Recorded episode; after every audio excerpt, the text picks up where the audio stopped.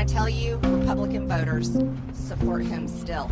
The party is his, it doesn't belong to anybody else. This impeachment trial that's going to happen next week is a circus. The yeas are 57, the nays are 43. The Senate judges that the respondent, Donald John Trump, former President of the United States, is not guilty as charged in the article of impeachment. The Republican leader. There's no question that President Trump is practically and morally responsible for provoking the events of the day. No question about it.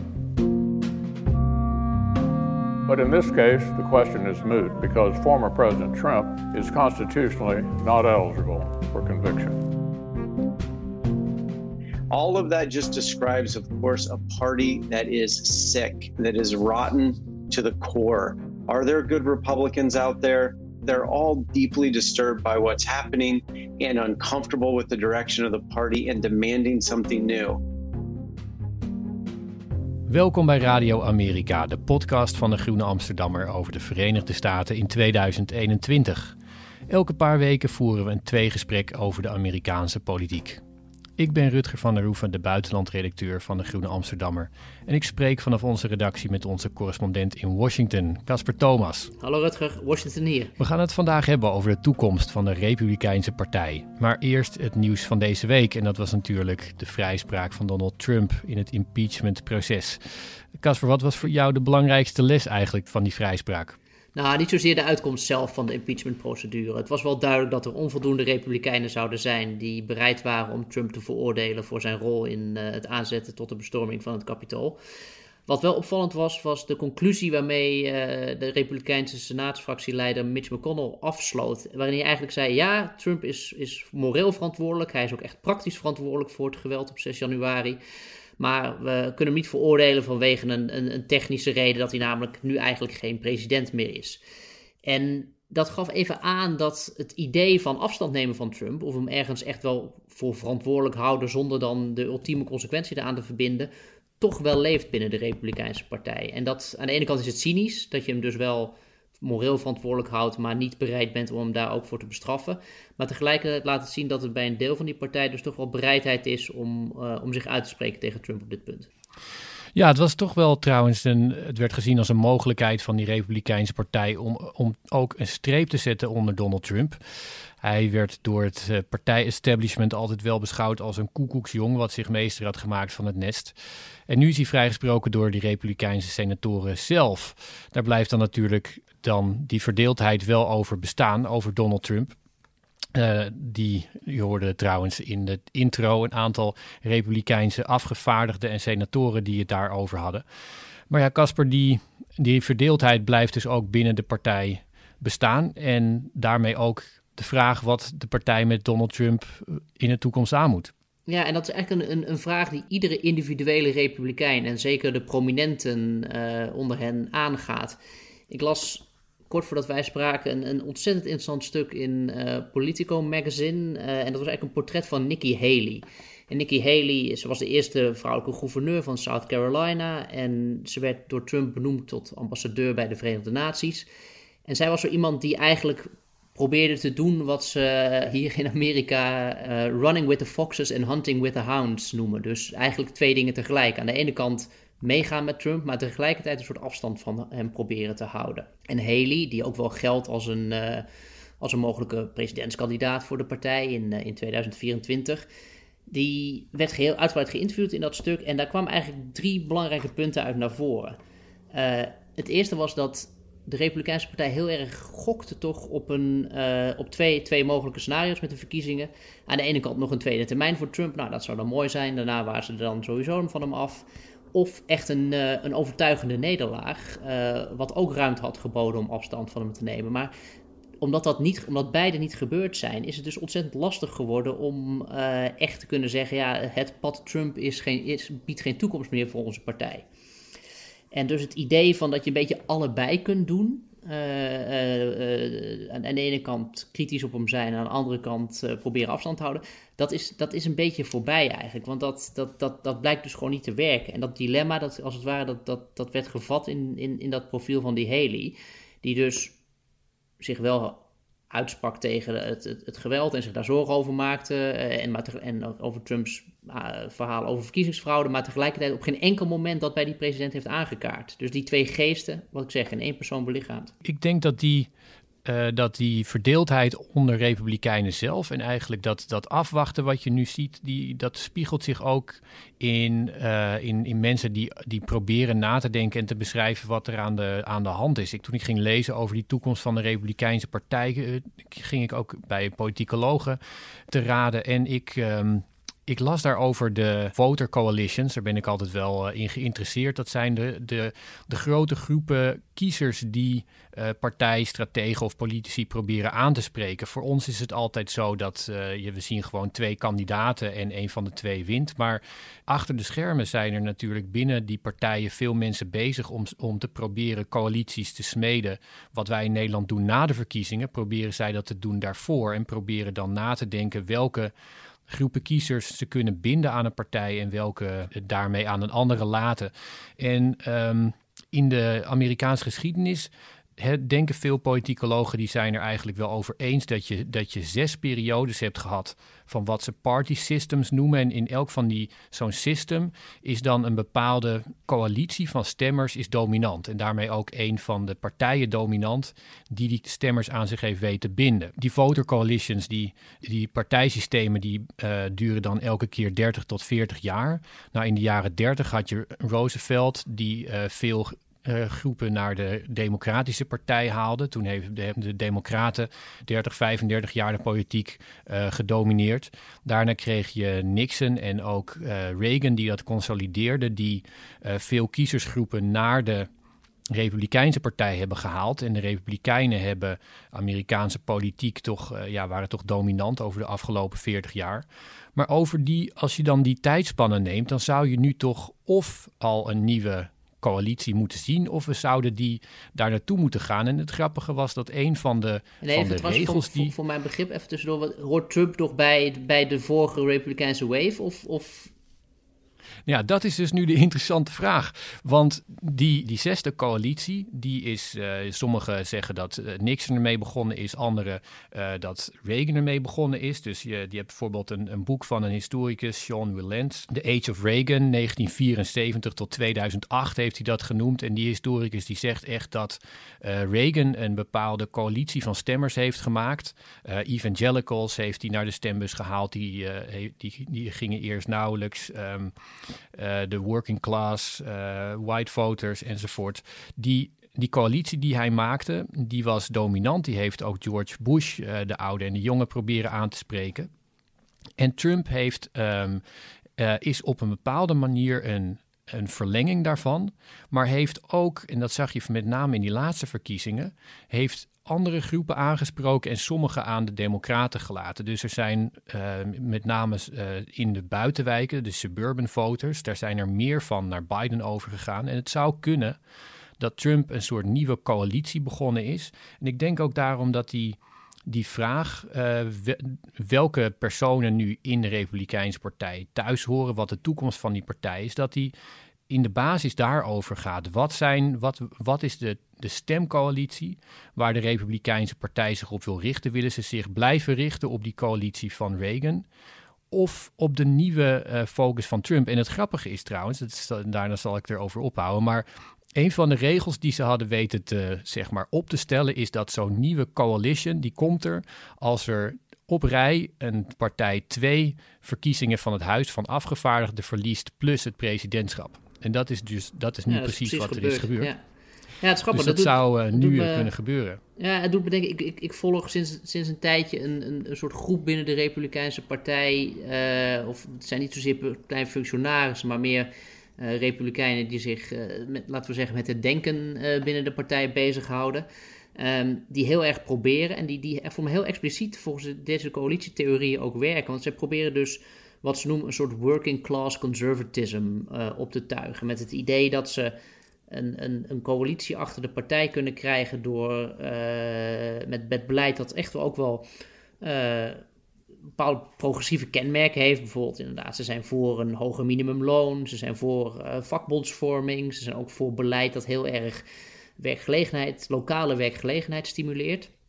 En dat, maar dat wordt dan een beetje gecombineerd met een, wel een heel conservatieve uh, sociale agenda. Uh, als het, ook als het gaat om, om religie of inderdaad het abortusvraagstuk.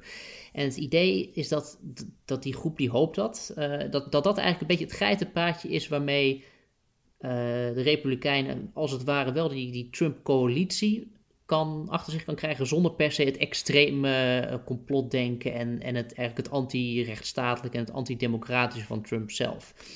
Is een mooi boek over geschreven. Uh, het heet The Once and Future Worker, geschreven door Orrin Cass, die een eigen denktank heeft begonnen. American Compass heet dat. En ik heb hem een tijdje geleden geïnterviewd. Uh, en hij zegt, ja, weet je, die Republikeinse partij moet gewoon eigenlijk over, heel erg over werk, banen, loon, inkomen. En dat dan gekoppeld aan lokale gemeenschap, hoe die daar dat wat aan kunnen hebben.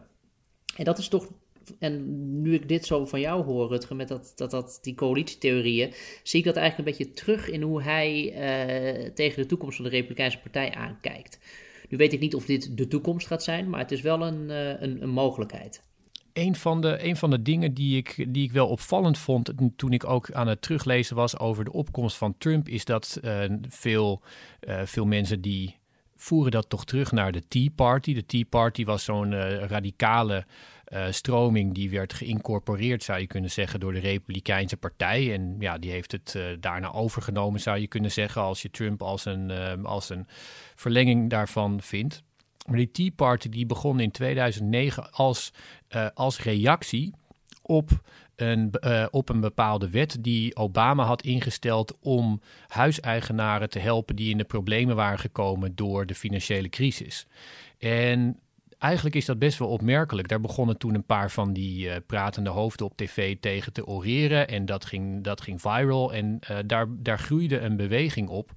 En Biden doet nu natuurlijk hetzelfde. Die heeft bepaalde, uh, bepaalde wetten om, om Amerikanen te steunen die door de, de coronavirus in de problemen zijn gekomen. En het zou dus best wel kunnen, denk ik, dat terwijl de Republikeinen aan het nadenken zijn uh, wat ze in vredesnaam moeten, dat er, dat er iets gebeurt, wat, dat, Biden iets doet bijvoorbeeld, waardoor uh, een bepaald segment van die Republikeinse partij uh, heel erg in het geweer wordt gebracht, heel erg energie wordt, krijgt en met een bepaald thema aan de haal gaat, wat ja, grote groepen kiezers blijkt aan te spreken.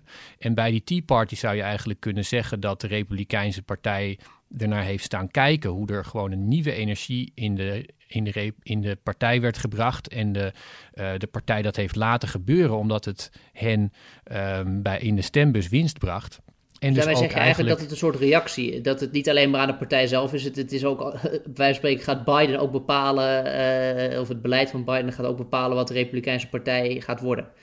Ja, dat was eigenlijk gewoon een pragmatische. Uh, dat was een gevolg van ontwikkelingen die, die dus niet werden uitgedacht door partijideologen of door mensen die een nieuwe koers uitstiepelden, maar dat ze reageerden op kansen die ze zagen liggen door ja, grassroots uh, activisme, zou je kunnen zeggen, door toeval eigenlijk. Ja, dat is gewoon, want die, dat, dat working class conservatism waar ik het net over had, dat, dat het opvallende daarvan is dat het juist ook best aansluiting zou kunnen zoeken bij een deel van de Biden-agenda. Het is een club die bijvoorbeeld absoluut is voor het, het, het stutten van de economie uh, nu de coronacrisis door Amerika woedt. En bepaalde vormen, ik noemde net al dat, dat pro-arbeidsmarktbeleid, om het pro-werkende pro beleid dat daarin zit. Uh, dat zit bij Biden, maar dat zit dus ook in een, in een deel van de Republikeinen die dat, die dat interessant vinden en daar ook echt wel voor tekenen. Dus dat kan ook juist weer de partij in zekere zin een beetje, een beetje splijten. Dus Behalve dan dat ze een soort inschatting moeten maken van uh, door met Trump of, of met Trumpisme, moeten ze dus ook een soort inschatting gaan maken van uh, op welke punten gaan we mee met Biden. Uh, en, dat, en dat is interessant of het dan of het, het belang van ergens tegen zijn het overwint boven dat deel van de Republikeinse Partij dat dus best bereid is om een deel van Bidens agenda te ondersteunen. En ja, ik, ik weet natuurlijk nog niet hoe dat eruit gaat zien, maar dat is wel iets om in de gaten te houden. Ja, het is trouwens wel zo om uh, nog even terug te haken op die, uh, die, dat zesde partijsysteem. Die politicologen die menen dat, dat, dat, dat die periode erg werd gekenmerkt door discussies over welke rechten bepaalde groepen Amerikanen moesten krijgen. Dus dat was uh, het belangrijkste was ehm, of vrouwen de vrijheid tot abortus mochten krijgen, maar ook over affirmative action. Ik weet even niet de goede Nederlandse termen voor. Positieve discriminatie positieve discriminatie voor Afro-Amerikanen, of dat moest gebeuren later, of er uh, homoseksuelen in het leger moesten worden toegelaten. Dus die uh, soort van ethische discussies, die, uh, die horen erg bij die periode. Maar de, de thema's die jij nu beschrijft zijn eigenlijk allemaal sociaal-economisch. Ja, nou, zou best wel kunnen. Er zit, er zit nog wel bij, dat, dat, dat noemde ik nog niet, maar wat er dus bij die, die working class conservatives ook zit, is een soort idee dat ze een, een, dat noemen ze dan, ja, ze willen een multiraciale conservatieve coalitie. En dan haken ze eigenlijk een beetje aan bij de verkiezingsresultaten van, uh, van, van, van de afgelopen verkiezingen. Waarin er toch wel iets van toename was te zien voor Latino-kiezers die, die voor Trump gingen. Het, het percentage Afro-Amerikaanse kiezers steeg ook enigszins. Dat was, dat was wat minder belangrijk. Maar die, die working class conservatives die zijn er enorm op gedoken om te zeggen: kijk, dit laat zien dat, we, dat het ons gaat lukken om, om niet alleen maar witte kiezers uh, achter een conservatieve agenda te krijgen. En, en niet alleen maar witte kiezers voor ons naar de stembus te krijgen. Dus het idee van uh, het, het, het, denken in dat soort groepen, dat, dat, dat zit er wel een beetje in. En, en juist eigenlijk een soort idee dat raciale scheidslijnen een beetje kunnen worden overstegen door ideologie. Dus het, het, het, thema speelt daar wel een klein beetje. Nou ja, ik zit, uh, ik zit te denken als je kijkt naar wat er nu de afgelopen weken is gebeurd. Je ziet die Republikeinse partij, uh, die zie je worstelen met zijn toekomst. We hebben het nu over bepaalde thema's waar, waarop gereageerd moet worden. We hebben het uh, over, over de veroordeling van Trump, waar, democraat, waar Republikeinse senatoren en afgevaardigden hun, ja, hun eigen afweging mochten moesten maken. Zowel wat ze vonden van de zaak zelf als wat er electoraal voor hun um, ja, opportun was of niet. En je, je, zou kunnen zeggen eigenlijk, denk ik, dat, je, dat die Republikeinse partij in de afgelopen maanden, eigenlijk sinds de verkiezingsnederlaag van, van Trump, ervoor heeft gekozen om gewoon niet te kiezen. Ze, ze hebben geprobeerd om de, gewoon de paraplu uh, zo, zo wijd mogelijk te houden. Om ook niet te kiezen voor bijvoorbeeld dat nativisme van Trump. Of voor de uh, juist proberen te breken, uit te breken naar gekleurde kiezersgroepen toe ook. En in die afgelopen week denk ik dat je dat, dat je dat erg zag de afgelopen weken, doordat je twee stemmingen had, die allebei gingen om, over de vraag of er een republikeinse afgevaardigde in een bepaalde positie kon blijven binnen de partij. Dus er werd gestemd over de vraag of Liz Cheney, dochter van Dick Cheney, of zij een van de leiders mocht blijven van de Republikeinen in het Huis van Afgevaardigden nadat ze zich tegen Trump had gekeerd. Ook in hele felle woorden had ze zijn uh, acties op 6 januari bij die, uh, die rellen bij het, van het Capitool, die had zij veroordeeld. En aan de andere kant werd er ook gestemd, uh, precies in dezelfde periode, over de vraag of Marjorie Taylor Greene in, in um, commissies kon blijven van het Huis van Afgevaardigden. En zij is echt zo radicaal als je maar kunt voorstellen. Die is dus een QAnon-gelover, die ook uh, gelooft dat, uh, um, ik geloof de Rothschilds, uh, de, een laser hebben betaald ja, om Californië in brand ja, precies, te zetten en zo. Totale gekte, maar zijn, zij zijn allebei binnen de Republikeinse Partij gebleven. Ook met ruime meerderheden, wat toch ook wil zeggen dat die Republikeinen zich gewoon voorlopig hun handen niet willen branden aan die vraag wie hoort er wel bij ons en wie niet. Laten we de tent maar zo groot mogelijk houden. Ja, al zijn er en mensen eigenlijk... die zeggen van, uh, er kan wel even een luifeltje van die tent af hoor. Uh, Romney, die, die zei zelf, die letterlijk gebruikte die de tentmetafoor. Die zei, er is bij ons in deze tent ruimte voor van alles en nog wat. Maar voor dat extreme complotdenken van zo'n zo'n Taylor Green, dat, daar hebben wij geen ruimte voor in onze tent. En dat zijn eigenlijk, en er zijn nog een aantal senatoren die dat ook wel gezegd hebben. En dat zijn ook niet toevallig natuurlijk de senatoren die wel voor de veroordeling van Trump hebben gestemd bij de impeachment. Dus weet je, er is een, die, die, die groep is er. Die schurkt trouwens ook best dicht aan tegen dat working class conservatism waar ik het al over had. Maar goed, tegelijkertijd, uh, vanochtend uh, in, in, in de krant uh, werd Lindsey Graham, de senator uit South Carolina, geciteerd om zijn terugblik op de impeachmentprocedure. En die zei van, ja luister eens, ik hou van winnen en we hebben Trump gewoon nodig om te blijven winnen. Dus uh, afstand nemen van Trump, no way. Dus weet je, dat, het, en ergens moet het buigen of barsten nog steeds natuurlijk. dus en, ondertussen gaan er geluiden op door.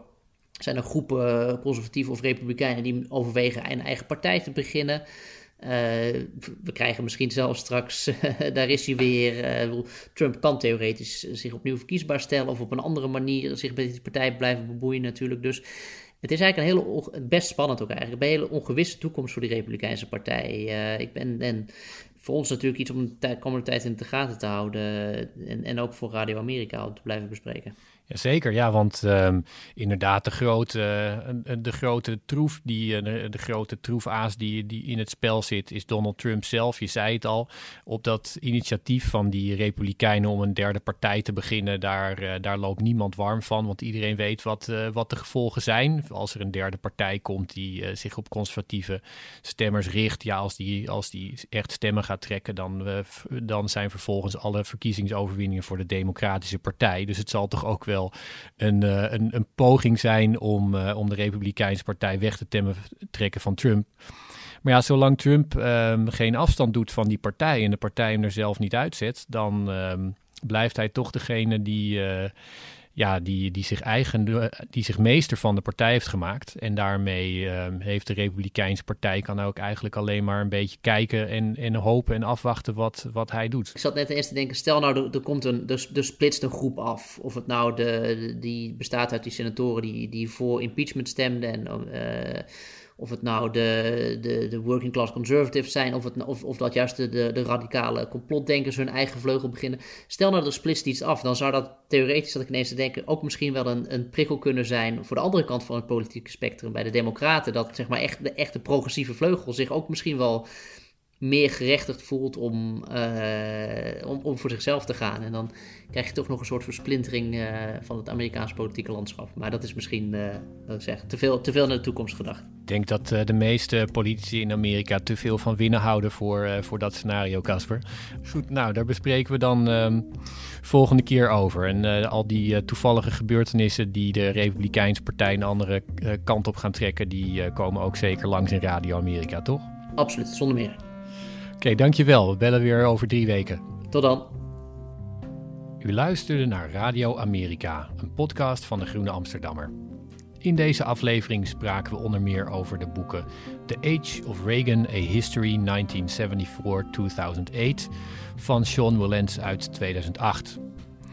Warren Cass, The Once and Future Worker, A Vision for the Renewal of Work in America uit 2018 en de gegevens over politieke coalities kwamen uit Mark Brewer en Sandy Maisel, Parties and Elections in America.